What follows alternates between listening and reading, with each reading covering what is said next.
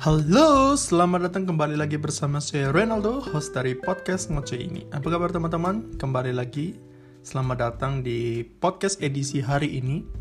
Eh, Nggak tahu hari apa, tapi mungkin mungkin beberapa hari setelah aku upload ya.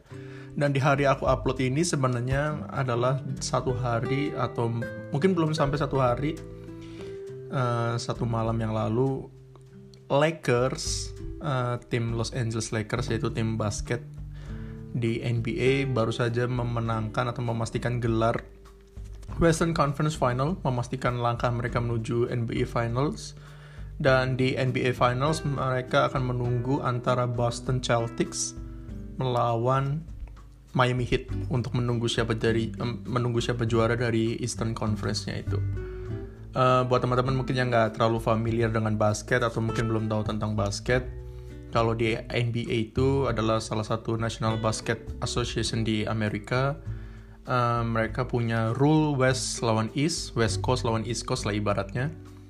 Dan pemenangnya dari West ini atau dari Barat ini udah si Los Angeles Lakers. Nanti pemenang East ini akan ditentukan uh, dalam satu game atau dua game karena sekarang ini kedudukannya adalah Miami Heat masih unggul 3-2 dan peraturannya kan juga teman-teman kalau mungkin yang belum familiar atau yang mungkin udah familiar udah tahu game of seven mencari kemenangan 4 4 kemenangan. Berarti kan hit cuma butuh satu kemenangan terus Celtics harus mengejar dua kemenangan lagi untuk bisa lolos. Makanya game terakhir ini hidup dan mati buat Celtics. Uh, kalau mereka kalah ya mereka pulang kalau mereka menang ya mereka tie the game dan game 7 akan ditentukan. Uh,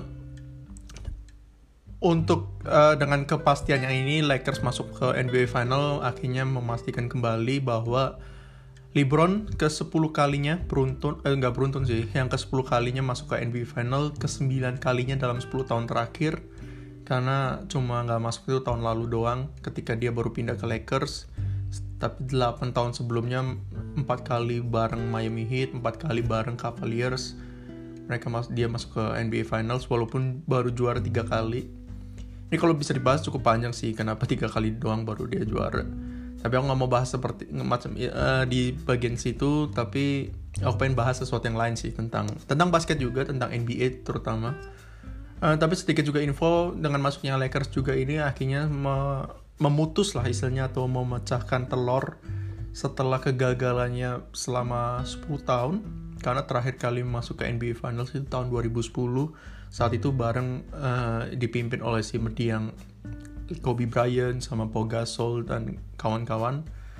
Dan waktu itu juga juara mengalahkan Boston Celtics. Makanya kalau tahun ini si Boston akan masuk ke final akan kembali melanjutkan rivalitas antara Lakers sama Boston dari mulai Magic Johnson terus turun sampai ke Kobe Bryant sampai sekarang ini mungkin akan melanjutkan. Atau kalau misalkan Miami Heat yang lolos yang masuk ke final ya juga sentimen juga karena Miami Heat kan juga tim yang dibawa LeBron James dua kali ber, uh, beruntun menang cincin. Terus juga pelatihnya juga Eric Spoelstra juga kan punya hubungan yang cukup dekat juga dengan LeBron. Jadi akan jadi final yang menarik sih Oke, okay, tapi kayak tadi aku bilang aku nggak mau bahas mendalam tentang ya ini basket siapa yang bakal menang dan segala macam. Aku nggak mau bahas, tapi aku mau bahas satu ada satu hal yang singkat juga yang kenapa aku suka NBA ya terutama. Atau suka basket tapi terlebih tentang NBA-nya sendiri. Adalah satu kata yaitu tentang brotherhood-nya di NBA tentang brotherhood-nya di NBA dan uh, maturity-nya juga sih yang dimiliki oleh pemain-pemain NBA karena kalau kita bahas bahas sedikit ya tentang maturity-nya itu kalau kita lihat teman-teman kalau yang ngikutin basket NBA atau yang suka sama ya basket NBA ya kalau teman-teman lihat deh uh, kan mereka kan biasanya uh, sebelum mereka masuk ke NBA kan mereka main dulu di kayak di liga mahasiswa lah kalau di Indonesia ya mungkin liga mahasiswa atau di college-nya itu. Terus biasanya tuh uh, di college-nya itu mulai muncul lah nama-nama yang punya potensial untuk bisa bersinar atau di draft ke NBA kayak sekarang ini tuh yang lagi itu kan kayak misalkan yang lagi santer kayak nama Lamelo Ball terus ada beberapa nama. Tuh biasa kalau college aku nggak terlalu mengikuti sih.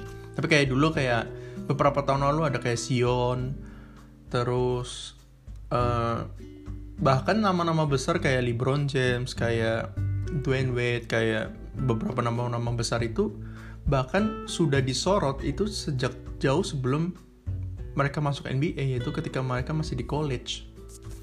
Dan kalau kita lihat ya interviewnya sama mereka dan segala macam kalau kita bahas maturity-nya itu sekalipun mereka college dan segala macam somehow mereka punya maturity mereka punya kemampuan public speaking yang luar biasa di depan kamera mereka punya apa ya mature aja cara dia ngomong itu nggak menunjukkan bahwa umur mereka itu masih 14-15 tahun tapi udah kayak seseorang yang yang punya kedewasaan yang luar biasa itu yang yang yang respect banget sih untuk dari para pemain-pemain NBA dan yang terlebih juga adalah salah satunya juga hampir mayoritas ya mayoritas pemain-pemain NBA itu ya punya maturity itu punya public speaking yang juga luar biasa. Mereka bisa ngomong di depan kamera dan segala macam. Karena menurut aku kan juga ini juga salah satu yang membuat akhirnya olahraga ini cukup naik kan selain juga karena di NBA itu yang membuat akhirnya naik itu juga itu salah satunya juga blow out eh, apa blow up dari medianya juga yang luar biasa keren cara dia ngemasin itu juga cara dia ngeliput dan segala macam itu juga salah satunya membantu akhirnya para ikon-ikon ini untuk bisa naik lah istilahnya. Kalau kita lihat kan mungkin kalau misalkan contoh misalkan di Indonesia kan atlet-atletnya kan agak susah kan untuk bisa ngomong di depan orang atau ngomong di depan umum, malu-malu dan segala macam. Akhirnya ya ya menurut aku itu salah satu faktor yang penting juga sih karena kan kita bukan main kayak untuk hobi ya tapi kan secara nggak langsung kan ini pekerjaan secara nggak langsung ya kita menjual juga kan menjual yang mungkin yang paling nyata adalah ya menjual baju kita lah t-shirt kita nomor punggung kita lah jadi orang banyak yang mau ikut dan terkenal akhirnya semakin banyaknya itu kan juga akhirnya orang semakin banyak yang ngefans istilahnya gitu kayak misalkan kayak NBA ini kan kenapa dia salah satu basket paling tertinggi walaupun itu cuma nasionalnya untuk Amerika karena LeBron, Dwayne Wade atau siapa Irving, Steph Curry, KD mereka bisa menjual nama mereka, mereka bisa ngomong luar biasa di depan kamera. Akhirnya ya orang banyak yang ngefans, akhirnya ya secara nggak langsung, secara garis lurus, lurus NBA juga naik namanya, basket Amerika juga naik namanya. Penggemarnya jadi di mana-mana istilahnya. Walaupun itu cuma sebenarnya merepresentasikan cuma kota-kota di Amerika doang kan, bukan bahkan FIBA World Cup-nya sendiri malah kalah kan sama NBA Olympic uh, itu kan malah kalah sama NBA kalau bola basket kan berbeda tuh. Bola basket mungkin World Cup itu masih paling tinggi istilah prestisiusnya masih paling tinggi untuk bisa juara World Cup. Tapi kalau basket enggak prestisius tertinggi ya untuk bisa menang ring atau menang NBA uh, eh, itu adalah salah satu karir paling tinggi atau trofi paling tinggi dalam dunia basket ya. Ring NBA itu padahal itu cuma levelnya itu cuma ibaratnya cuma Liga Spanyol, Liga Inggris, Liga Indonesia itu kan Liga Amerika doang kan. Tapi begitu mereka bagaimana mereka luar biasa merangkum itu menjual itu yang itu yang hebat sih. Salah satunya aku yang faktornya sih menurut aku dari maturity-nya itu kemampuan mereka bisa ngomong depan umum dan segala macam itu bisa mature banget Islam. Tapi kalau kita lihat usia itu masih 20 tahun dan segala macam. Kalau LeBron mungkin boleh lah sekarang udah 35 kan dia memang udah veteran ibaratnya di tapi rookie rukinya itu juga rata-rata mayoritas punya kemampuan public speaking luar biasa tapi satu hal lagi juga yang aku salut juga uh, tadi aku juga sempat mention adalah brotherhoodnya. Brotherhoodnya di NBA itu apa ya? Somehow luar biasa banget sih. Uh, kayak misalkan kayak LeBron sama AD tuh mereka secara speak up juga ini salah satu yang juga hebat adalah dengan mereka speak up ini tuh juga. Bro I got your I, I got your back istilahnya. You know that you got my back also you got mine also itu kan somehow kan kayak kayak mungkin kayak mungkin salah satunya adalah budaya juga sih. Budaya mereka yang juga menurut aku salah satu yang keren juga untuk bisa speak up brotherhoodnya mereka. Kalau kita kan agak canggung kan agak awkward kan. Mungkin buat kita kita ngomong bro ya, agak canggung lah istilahnya. Mungkin kita susah membahasakannya itu susah mengungkapkannya itu. Tapi kalau di NBA itu luar biasa. Ketika ada seseorang yang masukin three point dan segala macam itu kan kalau kita bisa lihat dari benchnya aja loh bisa meledak gitu bisa uh dan segala macam. Itu yang menurut aku yang hal apa pemandangan yang indah banget sih kalau aku nonton basket NBA ya mungkin salah satu faktornya mungkin karena mereka satu bahasa mereka satu negara juga kan mayoritas kan juga pemain-pemain NBA kan ya ya mayoritas ya pemain Amerika juga kan atau pemain Kanada ya punya satu rumpun lah yang sama. Walaupun sekarang ini udah mulai pemain-pemain dari Eropa udah mulai banyak yang datang dari Spanyol, dari Jerman, dari Prancis, dari negara-negara Eropa, Eropa Timur udah mulai banyak yang datang dan mulai bersinar juga kan. Kalau dulu udah nama kayak Paul Gasol, Marc Gasol, Serge Ibaka, sekarang ada Luka Doncic, Doncic. Tapi kan mayoritas memang pemain Amerika kan. Jadi mungkin brotherhoodnya agak lebih dekat, lebih kental. Terus juga salah satunya bahasa juga mungkin. Karena kalau kita lihat compare sedikit sama sama sepak bola misalkan Amerika ah, Eropa misalkan. Ya mungkin salah satu kendalanya itu adalah salah satunya bahasa sih. Jadi akhirnya mungkin agak membuat susah untuk mereka untuk speak up di depan umum uh, di depan kamera uh, juga speak uh, show up uh, brotherhoodnya itu karena kalau kita lihat sepak bola kan berbeda dengan Eropa, uh, sorry berbeda dengan Amerika kan. Kalau Eropa kan ada dari Spanyol, mereka punya bahasa Spanyol dari Inggris, Jerman, Prancis mereka punya bahasa masing-masing. Belum beberapa pemain-pemainnya misalkan datang dari Amerika Latin, dari Afrika, dari Asia, punya bahasa yang berbeda-beda juga, punya kultur yang berbeda-beda juga.